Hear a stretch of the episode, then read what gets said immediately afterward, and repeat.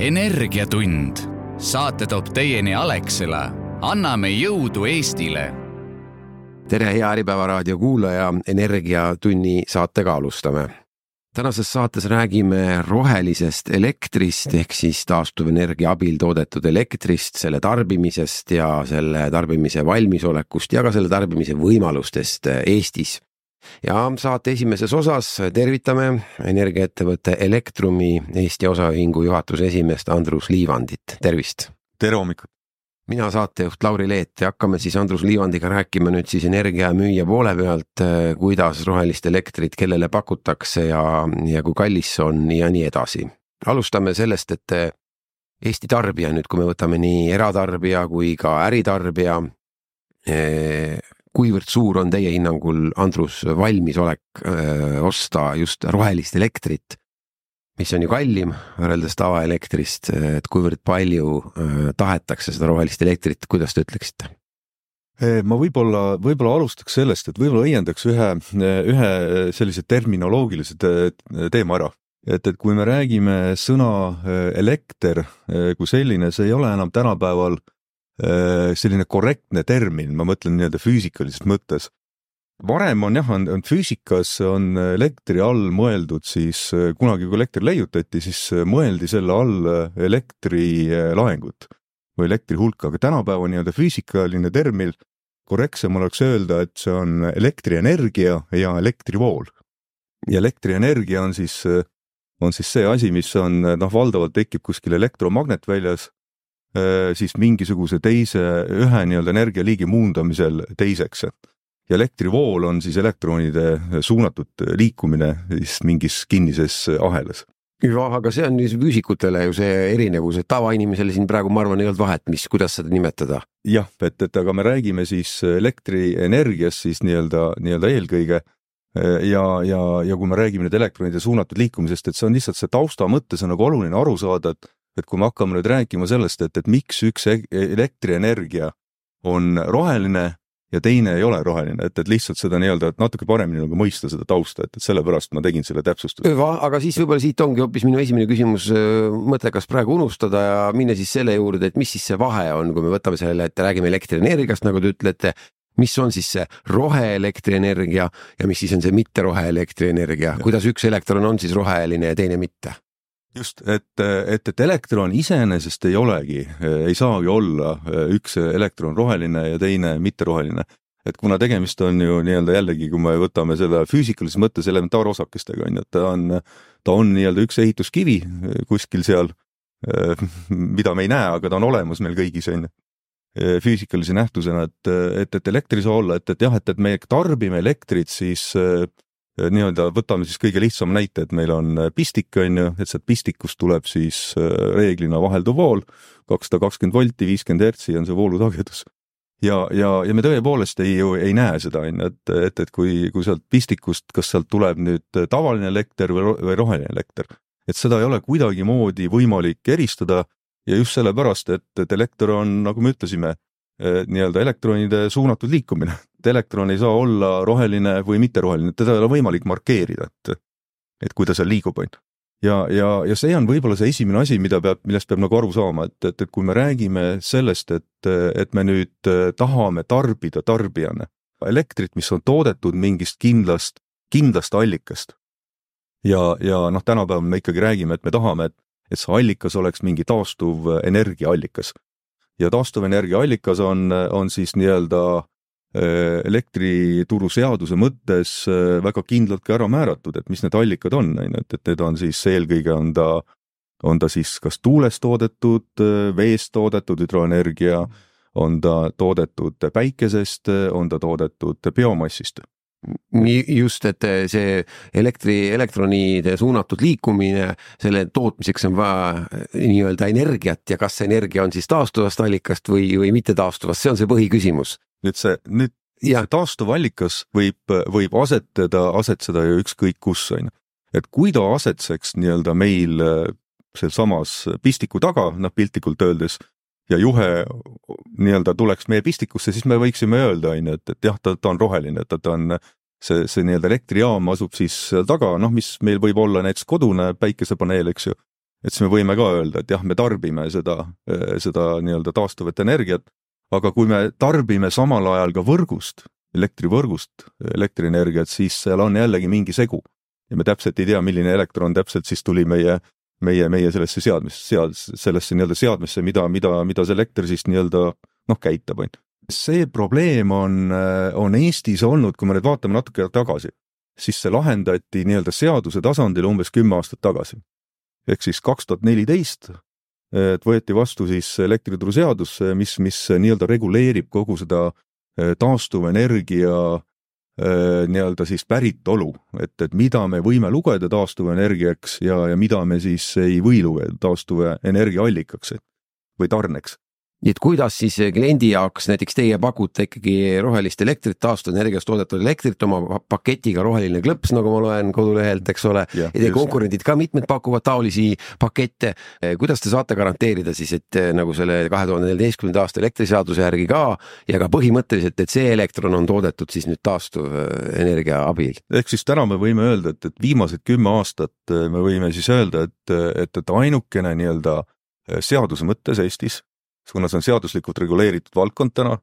et me võime öelda, et, et lõpptarbija jaoks ainukene nii-öelda siis dokument või, või kinnitus, mis garanteerib seda, et, et minu elekter on pärit taastuva, taastuvatest allikatest, on siis päritolutunnistus. ja päritolutunnistus on, on elektrooniline nii-öelda siis dokument, ta ei ole nii-öelda paberkujul või kuidagi kuskil ei eksisteeri, ta on elektrooniline dokument, mis eksisteerib siis äh, Äh, eksisteerib siis äh, nii-öelda elektroonilisel kujul ja seda võib äh, nii-öelda ette kujutada, et, et kuskil on olemas siis nii-öelda siis koordineeriv asutus või nagu pank, noh, nii-öelda nagu meil on, eks ju, kui me oma rahalised vahendid paneme panka ja võtame, nii-öelda paneme raha pangakontole võtame välja, välja, et siis on siin samamoodi. nüüd selle panga aset täidab siis põhivõrgu ettevõtja ja kelleks Eestis on, on siis Elering, kes peab nii-öelda siis äh, sellist äh, elektroonilist äh, taastuvenergia infosüsteemi, kuhu siis need päritolutunnistused, need, kes nii-öelda kauplevad nende päritolutunnistustega, nad sinna need kannavad ja neid ka seal nii-öelda tühistavad, et, et, et, et see on natukene jah, ta on üsna, üsna ja otseselt mida... võrreldav siis nii-öelda pangakontoga võib ette kujutada nagu. ja selge, aga mida see päritolutunnistus siis näitab ja mida ta kinnitab? See päritolutunnistus äh, on, äh, iseenesest on ta selline likviidne vara. seda saab osta ja müüa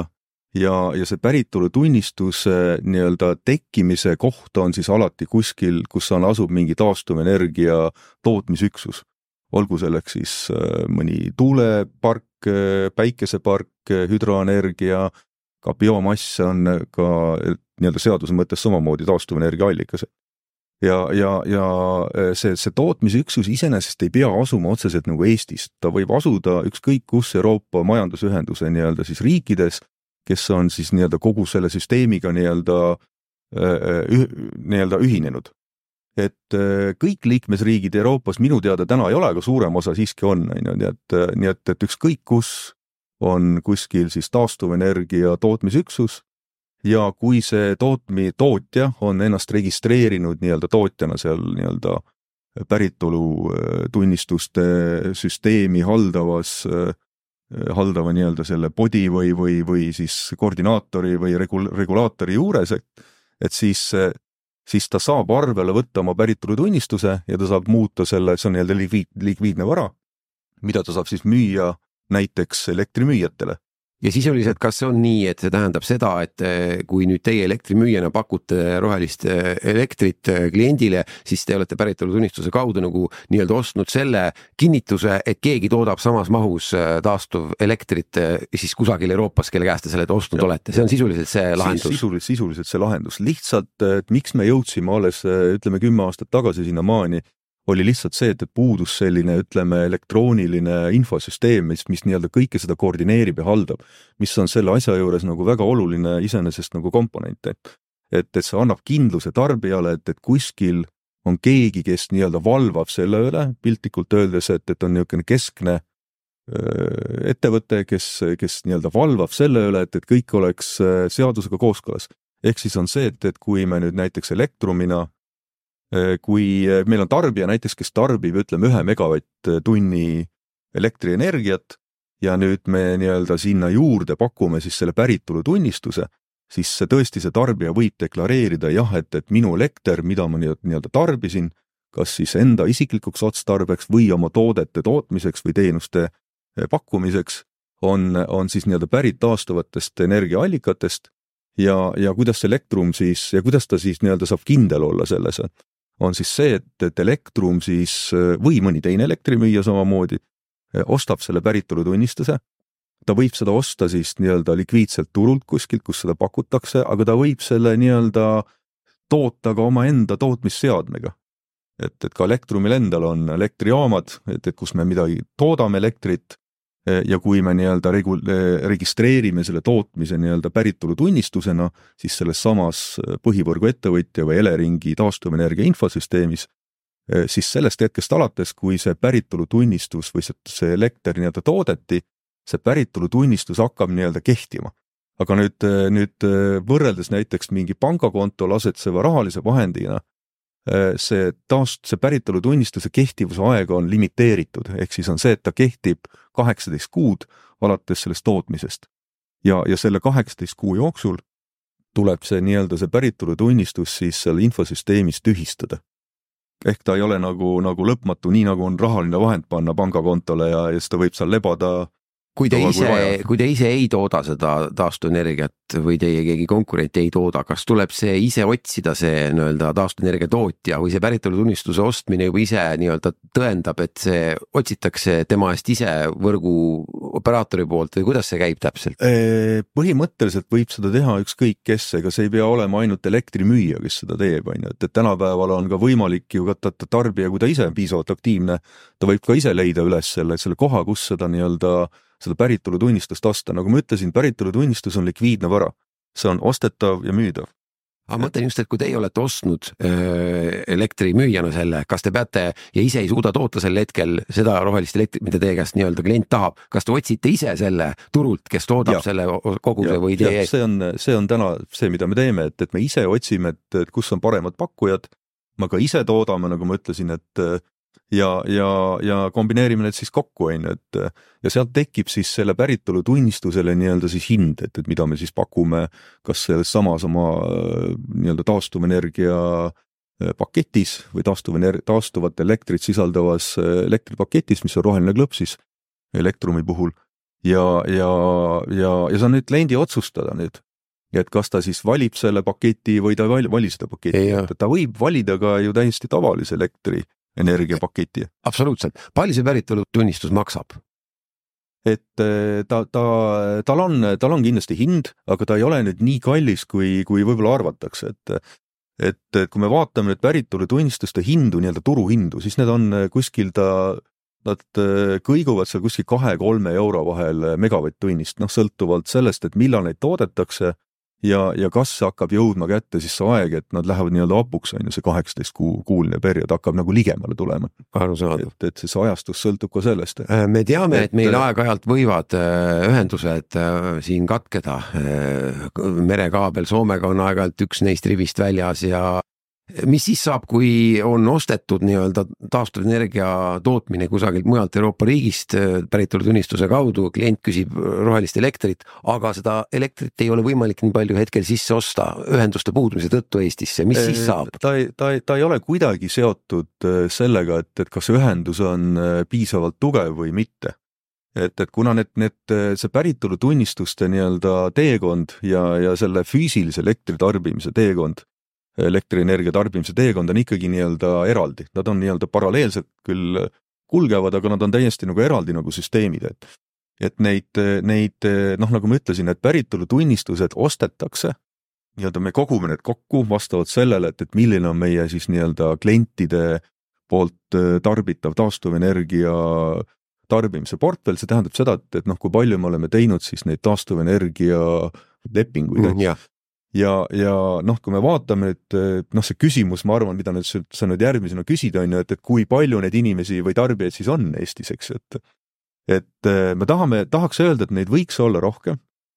tõepoolest, et, et, et kui me vaatame nüüd protsentuaalselt, Elektrumi nii-öelda kogu elektrimüügi portfelli, siis sellest nii-öelda selle päritolutunnistustega kaetud osa on, on circa kakskümmend kolm protsenti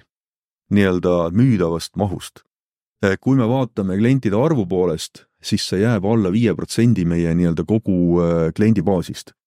ja mis, mis, mis tähendab muidugi siis seda, et, et, et suurem, et rohkem teadlikud on ikkagi suuräritarbijad ja see on olnud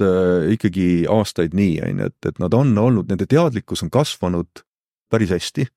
peaks ütlema, et ja, ja see tõenäoliselt siis tuleb sellest, et et, et kui on, kui on äritarbijad või äri, eelkõige nii-öelda suuräritarbijad, et siis nad on oma tarneahelat pidi ju seotud tõenäoliselt siis äh, nii-öelda oma klientidega, kes siis näiteks nõuavad seda, on ju, et noh, et, et nende võib-olla tarnijad või kliendid asuvad kuskil, kuskil Euroopas näiteks, on ju, kellel on see väga selgelt nagu väljendatud kriteerium, et jah, et, et kui sa tahad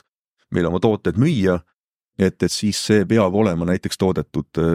see toode peab olema toodetud ta-, kasutades taastuvenergiat näiteks, on ju. siis ainukene noh, variant ongi siis see, et, et kas on nii-öelda oma tootmisseade või siis osta neid koos päritolutunnistustega seda tarbitud elektrit kokku kakskümmend kolm protsenti kogu müüdavast elektrist, nagu ütlesite, on siis roheline taastuvenergia, jah? jah, taastuvenergia siis, aga äriklientide osas peab siis olema see suurem, et saate äkki öelda ka, kui palju siis äriklientide, eriti veel suuräriklientide osakaal on siis taastuvenergia? no ta, ta mahuliselt ütleme ikkagi see kakskümmend kolm protsenti, ma noh, me võikski öelda, et suurem osa sellest mahust annavadki ärikliendid. ja klientide arvult on ta ikkagi noh, oluliselt väiksem, sest et kui me nüüd räägime erakliendist või kodutarbijast, siis ma pean ütlema, et, et jah, on, see teadlikkus on tõusnud, selle, selle kümne aasta jooksul, aga ta siiski noh, minu silmis ta ei ole päris see, mida me võib-olla ootaks.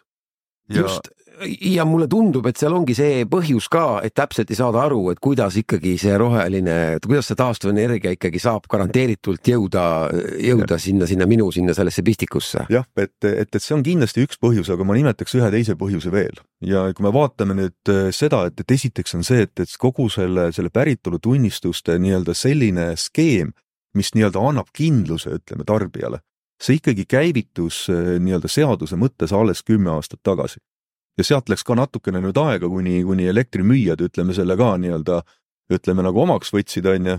ja, ja seda nii-öelda hakkasid siis noh, ikkagi tavaliselt on mingi väike viide seal, et, et nad hakkasid seda tarbijatele pakkuma. nüüd teine pool, mis ma kindlasti ütleks, on, on kogu see viimaste aastate, ütleme selline, selline noh, et esiteks selle pandeemia aeg, on ju ja mis kindlasti nii-öelda noh, pidurdas äh, teatud nii-öelda see fookus läks võib-olla teistele teemadele noh, tarbijatel. ja kindlasti kaks tuhat kakskümmend kaks aasta energiakriis. energiakriisi ajal oli selgelt näha, et, et tarbijate eriti kodutarbijate fookus on pigem sellel, et saada hinnad alla, mitte alla, mitte selles, et mõelda nii palju nüüd sellele, kas ta on nii-öelda taastuvenergia või mitte, on ju. kui palju maksab teile siis nüüd nii-öelda see taastuvenergia fikseeritud pakett võrrelduna siis nii-öelda tava fikseeritud paketi no,, kui suur no, see vahe on? no ma ütleks seda, et kui me nüüd teisendame nii-öelda ta kodutarbija keelde, on ju, et, et kui me ostame endale või, või vaatame endale elektripaketti, siis ma täna ütleks seda, et, et, et see, ta on kuskil, ütleme suurusjärgus circa kolm protsenti tuleb, tuleb kallim kui osta nii-öelda tavaelektripakett, ehk siis kuskil noh, tõlgendame nüüd rahalisse keerida, null koma kolm senti kilovatt-tunni kohta võime julgelt noh, jämedalt öelda. jah, see läheb kokku teie suur, suurkonkurendiga ka, kelle hinnad on väljas, et üksteist koma üheksa senti kilovatt-tundi on roheline pakett praegu ja üksteist koma kaheksakümmend viis on tavapakett, nii et on null koma viis äh, senti siis äh, kallim on see roheline pakett, et aga, see vist tundub see suurusjärk olevat. jah, et, et aga noh, siin, siinkohal on muidugi hea, et, et, et, et kasutaks ära lihtsalt seda võimalust võib-olla, et, et võib-olla seda teadlikkust tõsta ka kodutarbijatel praegu siin, et ja üldse, üldse igasugustel tarbijatel. kindluse elektrimüüjale me kindlasti anname ja see kindlus tuleb sellest, et meil on seadusest tulenev kohustus kui me ütleme juba sellise sõna välja näiteks on ju, et, et meil on seal Elektrumil, on see paketi nimi siis roheline klõps on ju, mõnel teisel elektrimüüjal on ta mõne teise nime all, eks ju.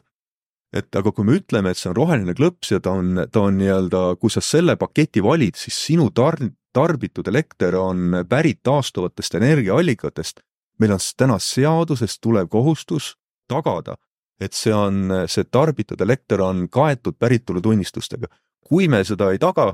siis meilt, meid võidakse trahvida selle eest. arusaadav, aga nüüd ikka, kui te selle juba uuesti lauda tõite, meil on mõni minut veel aega rääkida, ikkagi see seadus üksi ei kõikide inimeste ja. jaoks kindlust ei pruugi tähendada, ma toon tagasi selle võimaluse, te ütlesite, et, et see ei ole seotud otseselt selles mõttes selle konkreetse elekt-, elektroni liikumisega, et põhimõtteliselt siis võib ka nii olla, et teie olete selle ostnud selle päritolutunnistuse kaudu selle, selle roheenergia koguse, müüte kliendile edasi ja lihtsalt mingisugune Hispaania tootja näiteks ütleb, et ma tootsin sama hulga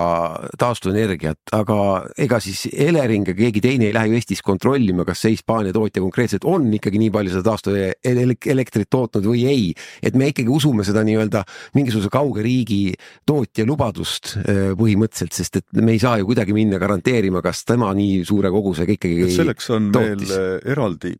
eraldi selline regula-, regulatiivne organisatsioon, Association of Issuing Bodies või AIB,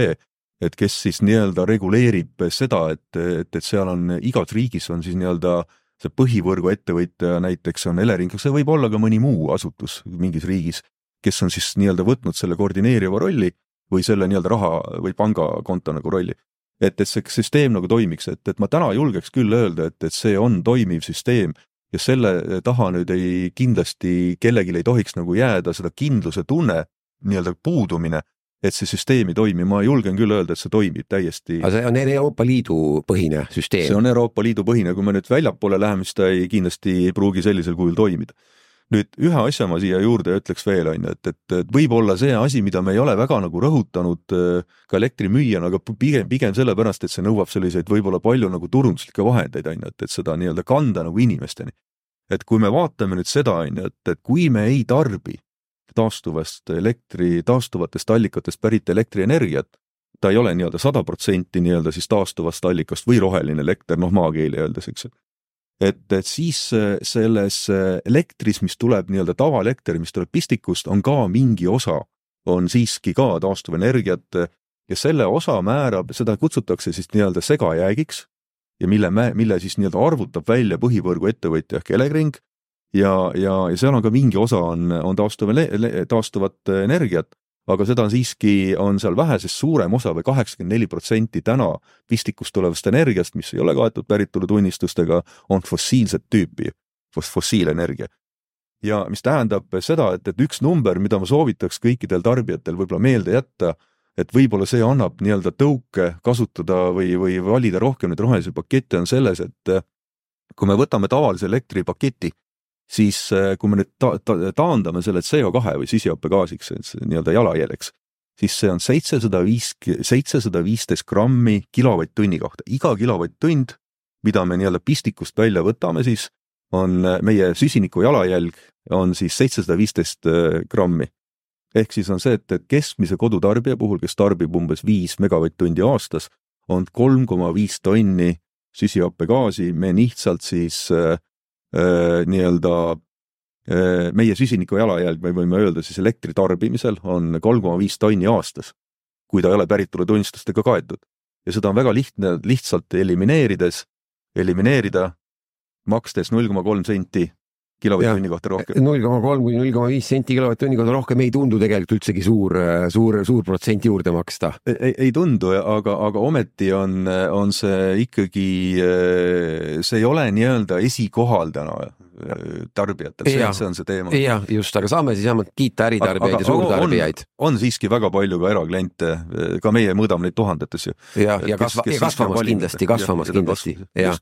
lõpetuseks, Andrus Liivand, te ütlesite, et umbes kakskümmend kolm protsenti taastuvelektrit müüte protsentuaalselt siis kogu elektri hulgast. mis on kaetud päritolutunnistust. mis on kaetud ja selles mõttes niipidi siis hästi tahate korrektne olla, hästi. aga kas see tähendab ka seda, et elektrimüügi käibest tuleb umbes seal kakskümmend kolm protsenti äh, nii-öelda, äh, nii-öelda tulust, mis teil tuleb elektrimüügist on kakskümmend kolm protsenti tulnud siis sellest ähm, päritolutunnistusega kaetud elektrist?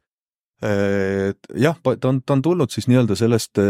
sellest elektrist, mida me siis deklareerime, et see on taastuvenergia, on ju, et pärit taast... taastuvatest allikatest kas... ja pärit, kaetud päritolutunnistustega kakskümmend kolm protsenti ma nüüd ei oska nüüd, äh, ma ei ole nüüd ausalt öeldes vaadanud nii täpselt. või on ta kakskümmend neli viis, et on ta osakaal suurem? ma jään hetkel, jään vastuse võlgu, et, et ma vaatasin pigem seda, et, et kui palju on meie portfellis siis nii-öelda tarnitud portfellist moodustas siis arusaadav, aga mu küsimuse tagapõhi on see, et kas on kasumlikum teie jaoks eh, energiaettevõtjana kaubelda päritolutunnistusega, taastuvenergiaga versus siis tavaelektriga, kas on kasumlikum? Ma ütleks küll, et me ei tee täna vahet selles, et, et, et, et me ei ole võtnud enda jaoks äh, seda päritolutunnistust kui teenimise objekti. et, et see lisandub juurde sellele nii-öelda äh, noh, selge on see, et me oleme äriettevõte ja me elektrit müüme mingisuguse müügimarginaaliga. aga me oleme endale võtnud eesmärgiks, et me ei teeni siis nende päritolutunnistuste pealt, et see ei ole meie koht on erinevad platvormid, kes kauplevad päritolutunnistustega. et nemad, see on nende jaoks teenimise koht, on ju, mitte meie jaoks, et, et. Teie jaoks müügimarginaal on võrdne nii taastuvelektri kui tavaelektri puhul?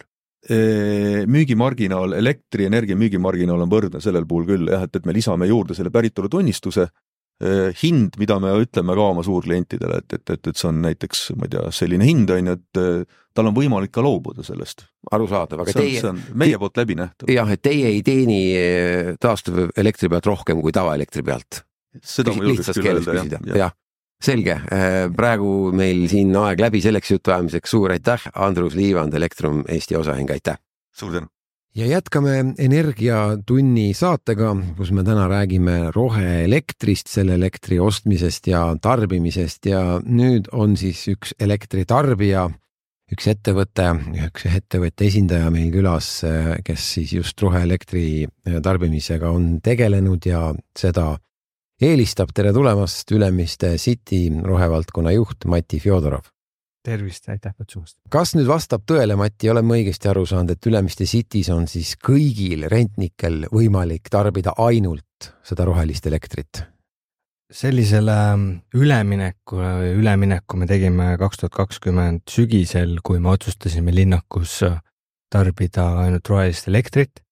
Äh, seal on täna mõningaseid äh, erandeid, kus meil on üksikud tööstuskliendid, äh, kes tarbivad tavaelektrit, nad on otsustanud äh, suure elektritarbimise tõttu veel justkui tarbida tavaelektrit, aga,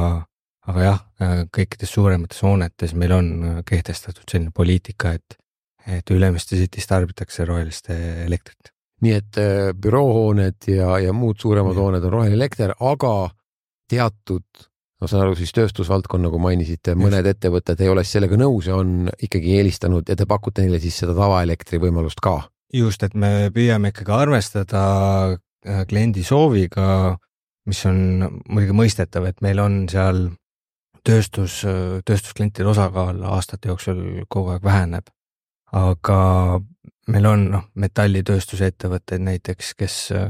puhtalt tehnoloogiast tulenevalt kasutavad elektrienergiat niivõrd palju, et nende jaoks võib-olla see äriplaan või siis muud ärist tulenevad otsused ei ole andnud neile siis seda üleminekut äh, teha. et äh, kui me nüüd äh, kõigepealt küsime, et mis on siis need argumendid, kuidas te olete aru saanud, kes on selle roheelektri ostmisega nõus, siis kuidas te sõnastaksite, et, et miks tahetakse roheelektrit osta ja ollakse selle eest ka siis nõus rohkem maksma? see on äh, mitut pidi, et ähm, rohelist elektrit tarbitakse ähm,, noh, meil on, meil on rahvusvahelisi ettevõtteid äh, päris palju, kes, kellel on see üks näiteks kontsernipoliitika osa. kõikides äh, esindusriikides näiteks äh, peab kontor tarbima või siis esindus peab tarbima rohelist elektrit, et vähendada jalajälge Äh, on ettevõtteid, kes tahavad olla jätkusuutlikumad, äh, teadlikud on juba sellest, et tavaelektri ja rohelise elektri jalajälje vahe on kordades. et, ähm, et sealt see tuleb ja üldiselt see tendents on kasvutrendis. et ettevõtjad, tarbijad linnakus vähemalt tarbivad rohelist elektrit rohkem ja kontorihoonetes tegelikult on see meil omakorda poliitika et kui meil linnakus on üle viiesaja ettevõtte, siis ähm, see on justkui midagi loomulikku meie jaoks, nii nagu on ka võib-olla igale rentnikule hea tava, mis käib sinna juurde, kasvõi ma ei tea, jäätmete liigiti kogumisega. aga nüüd, kes ei soovi ikkagi, siis see põhjus, nagu ma aru sain, juba vihjasite, et see äriplaan ei pea, ei pea selles mõttes ei veaks välja, kui võtta roheelekter, kuna elektri osakaal on kuludest nii suur just tööstus, tööstus või sellistele suunitlusega ettevõtetele, et see on see põhiargument, miks ei soovita. üldiselt see on jah see, et ja see on pigem erand täna, et kus niimoodi vaadatakse, et ka, ka tööstusettevõtted ja kõik teised, kuna on äh, regulatsioonid Euroopa Liidust tulenevad, mis äh, panevad või nügivad meid kestlikumalt tegutsema, siis nad peavad sellega arvestama ja kui ettevõte vaatab, et ta saaks tavaelektriga võib-olla mõne aasta endale sellise mm, otsuse nihutada seda, siis, siis kaua sellist pidu ei ole. Äh, kui nüüd rahast rääkida, öelge, kuidas nüüd siis nagu nii-öelda äritarbija poole pealt see elektri siis või energiafirmade pakkumine välja näeb, et kui me siin saate esimeses osas saime selgeks, et et eratarbijatele pakutakse üldiselt null koma kolm kuni null koma viis kilovatt-tunni eest kallima hinna eest siis seda roheelektrit versus siis tava fikseeritud hinnaga elektrit. kas, kas ka suuremas mahus ja äriklientidele on, on samad suurusjärgud, et see roheelekter on selle võrra kallim? roheline elekter on täna natukene kallim, see on tingitud just sellest, et taastuvenergia tootmismaht kui selline on väiksem. Äh, siin aitab kaasa see, et kaks tuhat kolmkümmend näiteks kogu Eesti tarbitav elekter peaks tulema taastuvenergiast. et äh, kogu aeg on selline nõudluse ja pakkumise, pakkumise pool, et energiaettevõtjad suudavad pakkuda seda, äh, et, et roheline elekter pakettides oleks olemas. aga täna täna see hinnavahe nüüd ei ole nii suur, et, et ma näeksin, et ettevõtjad peaksid ainult tarbima tavaelektrit, sest et see keskkonnamõju sellel teisel poolel on niivõrd palju suurem. on see vahe null koma kolm kuni null koma viis siis kilovatt-tunni eest on adekvaatne ja,? jah, jah. aga kui nüüd võtta, oskate te ka seda öelda, et kui nüüd võtta üks, võtame siis ühe, ühe büroopinna, kellel elektri tarbimine ei ole osakaalus nii suur Äh, kulu kui, kui mõnel tööstusobjektil. kuises, äh, kuisest kogu kommunaalkuludest mm., võtame lisaks elektrile kõik muud kommunaalkulud ka. et kui palju, mitu protsenti kogu kommunaalkulud on kallimad, kui äh, valida roheelekter versus siis nii-öelda fikseeritud hinnaga tavaelekter no kui vaadata kogu hoone selliseid kulusid, siis ja see sõltub muidugi hoonest, kuidas seal jahutus, jahutust toodetakse ja aga elekter tehnoseadmete tõttu ja kõige muu tõttu elektri tarbimise osakaal hoones on kõige suurem kulu. et on ta seal siis äh, vastavalt hoonele kakskümmend viis kuni kolmkümmend protsenti kuludest, eks. ja, ja siis tulevad kõik need teised kulud, kütteenergia, jäätmed, vee, vesi ja nii edasi ehm,. arvestades seda, et elektri tarbimise osakaal kuludest on kõige suurem siis see hinnavahe ei tule jällegi nii suur, need on needsamad vahemikud. ja et sellest kahekümne viiest, kolmekümne protsendist, mis elektri peale läheb, äh, et see siis võib olla siis selle null koma kolm kuni null koma viis äh, senti kilovatt-tunni eest siis kallim või, või odavam, et seda siis protsenti siis tuleks täpsemalt arutada, aga see protsent tõenäoliselt kogu kuludest ei kasva rohkem kui võib-olla mõni, mõni protsent siia-sinnapoole. ja ja tegelikult peaks vaatama vastupidi, et mitte võib-olla takerduma ainult sellesse, et mis on see rahahind sealjuures, vaid mis juhtub, kui sa ei tarbi rohelist elektrit. Või et, ähm, et need argumendid, kui enne oli juttu, et miks tarbida rohelist elektrit, et üks on muidugi see, et äh, tarbija soovib olla jätkusuutlikum, ähm, olgu ta siis poliitika, täna kogu selline kestlikkuse teema on veel ettevõtetele müügiargument, ta annab teatud konkurentsieelise ja ka konkurentsieelis nende ettevõtete ees, kes äh, ei suuda pakkuda siis pinda või tooteid, äh, mis on toodetud äh, rohelise elektriga.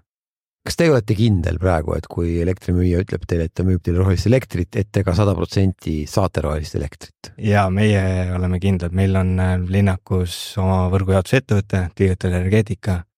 kes tarnib meile selle energia ja miks ma olen kindel, Eestis ju vastutab selle eest Elering. et äh, iga elektri megavatt-tund põhimõtteliselt, mis sa rohelist elektrit ostad, on tõendatud päritolu tunnistusega, sertifikaadiga, kus on siis kirjas, millise seadme poolt, äh, kus see toodetud on nagu me just saate esimeses osas ka mainisime täpselt, et see sertifikaat siis nagu garanteerib selle, et see samas mahus, mis energiaettevõte müüb rohelist elektrit, on seda kusagil toodetud, aga see ei pruugi olla Eestis, eks ole, see võib olla kusagil mujal Euroopa Liidu riigis ka. eks see tähendab tegelikult selle süsteemi ikkagi sellist uh, usaldamist, et kui me tarbime siin Eestis rohelist elektrit, meile näidatakse sertifikaadiga, et näiteks Portugalis mingi roheettevõte selles mahus on roheelektrit tootnud, siis me usume, et Portugalis see roheelekter on ka toodetud, et see ei ole ainult paberi peal nii kirjas just, seal peab olema selline läbipaistvus, muret peaks võib-olla tundma selle üle, kui sulle müüdud äh, rohelist elektrit ilma päritolutunnistuseta, et väljaspool seda Eleringi süsteemi, et siis ei saa kuidagi nagu tagada. ja, ja peaks äh, tarbija kui selline, siis ka meilt küsitakse seda, tarbija peaks kindlasti veenduma, et äh, kas, kas see vastab tõele, kas see roheline elekter, mida mulle on lubatud, kas see on sertifitseeritud kuidas teile tundub, on neid äh, rohepaketi pakkujaid elektriturul Eestis piisavalt, et kui nüüd tahta nii äritarbijana kui ka eratarbijana osta, et on, on see nagu piisav konkurents nende vahel, kes neid pakuvad, on pakkumised selged, on see kõik nagu nii-öelda paigas, see turg või võiks siin midagi veel parandada, et, et tarbija rohkem valiks? Siin on huvitav liikumine toimunud aastate jooksul, mis puudutab taastuvenergiat ja roheliste, rohelise elektri tootmist, et energiaettevõtjate nii-öelda pakettide seas valikut on. ma ütleks alati, et taastuvenergia tootmise maht peab suurenema, et siis ka tekib valikut, aga on tekkinud huvitavad nagu võimalikud alternatiivid juurde selles mõttes, et pakutakse kohe ka lahendusi koos finantseerimisega, et enda päikesejaam näiteks teha ja siis sa saad selle rohelise elektri sealt kätte, et fikseeritakse seda teatud ajaperioodiga. et ähm, selles osas on toimunud muutus ja see on positiivne. kuidas teie selline tunnetuslik äh, soovitus on äh, mõnele konkurendile või ka kui ise uut arendust planeerite Ülemiste City's, et saada A nii-öelda klassiga hoone, siis on niikuinii vaja päikesepaneele ka, eks ole, autonoomset energia tootmist sinna juurde, mis tavaliselt on päikesepaneelide elektri tootmine.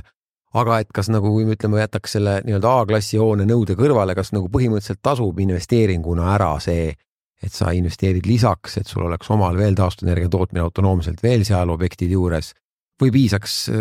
et lihtsalt osta roheelektrit ja, ja sa oled nagu keskkonnasõbralik ka ja poleks seda investeeringut nagu vaja teha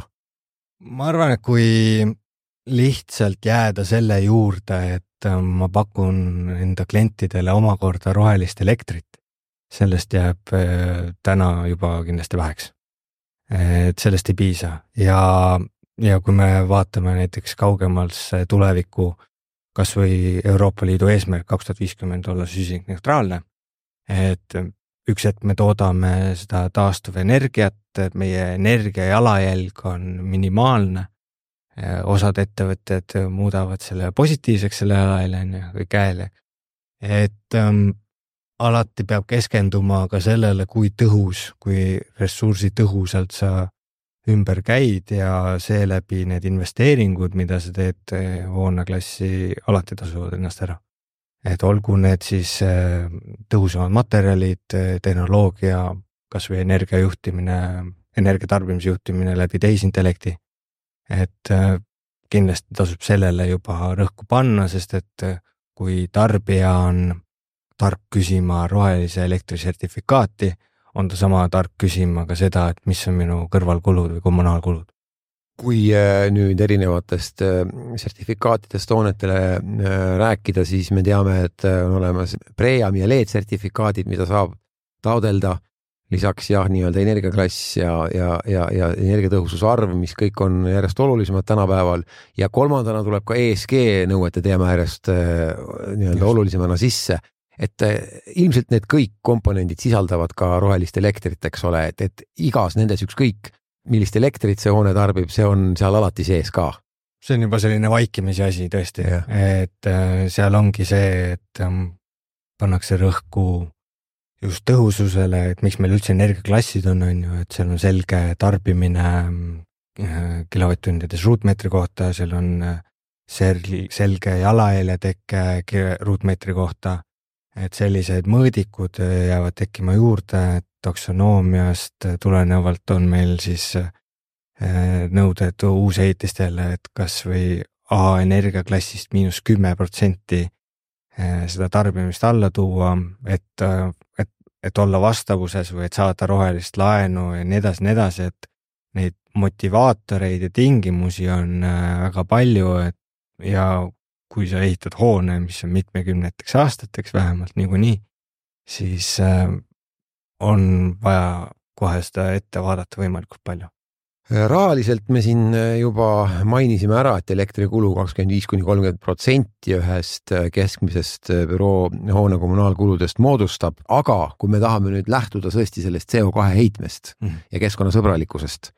et siis ja võtame hoone kogu keskkonnamõju alates jäätmetest kuni, kuni, kuni ka kõikide muude vee ja kasutuseni ja kõik muu, mis hoone keskkonnamõju on, siis kuivõrd palju me saame elektrikulu mõttes seda keskkonnamõju vähendada, et kas see üldse nagu tasub vaeva, et ütleme, et võib-olla tõesti asu, kasutame roheelektrit, võib-olla on isegi omal ka paneelid katusel ja oleme selles mõttes CO2 heitme noh, vabad mm., aga kõik muu hoones ikkagi on nii CO2 heitmerikas, et, et see kokkuvõttes nagu ei ole, ei ole nagu vaeva väärt, kas ühesõnaga, et lühidalt küsides, kui suure osa hoone CO2 heitmetest moodustab eh, nii-öelda elekter um,? kui vaadata hoone nii-öelda heitmeid, siis äh, seda saab vaadata erinevalt, vastavast, vastavalt elukaarest tulenevalt, et äh, projekteerimisest äh, alates ehitamiseni ekspluatatsiooni nii-öelda periood ja siis pärast lammutamine, et Eh, elektri tarbimine, kui me läksime sügisel rohelise elektri peale üle, meie jalajälg energiast tulenevalt vähenes eh, kordades, kolm pool korda. et meil oleks eh, täna jalajälg oluliselt suurem. kust te teate seda? me mõõdame seda. kuidas see mõõtmine käib ja mis, mis metoodikaga? selle jaoks on kasvuhoonegaaside metoodika, mis on kinnitatud, et energia tarbimisest ei ole seda raske arvutada, iga energia nii-öelda liigil on oma eriheite koefitsient, et kui puhas või saastunud see energia on. Ja, ja siis sa kõrvutad sinna juurde nii elektri jalajälje kui kütteenergia jalajälje. ja, aga ma pean ütlema, et sellise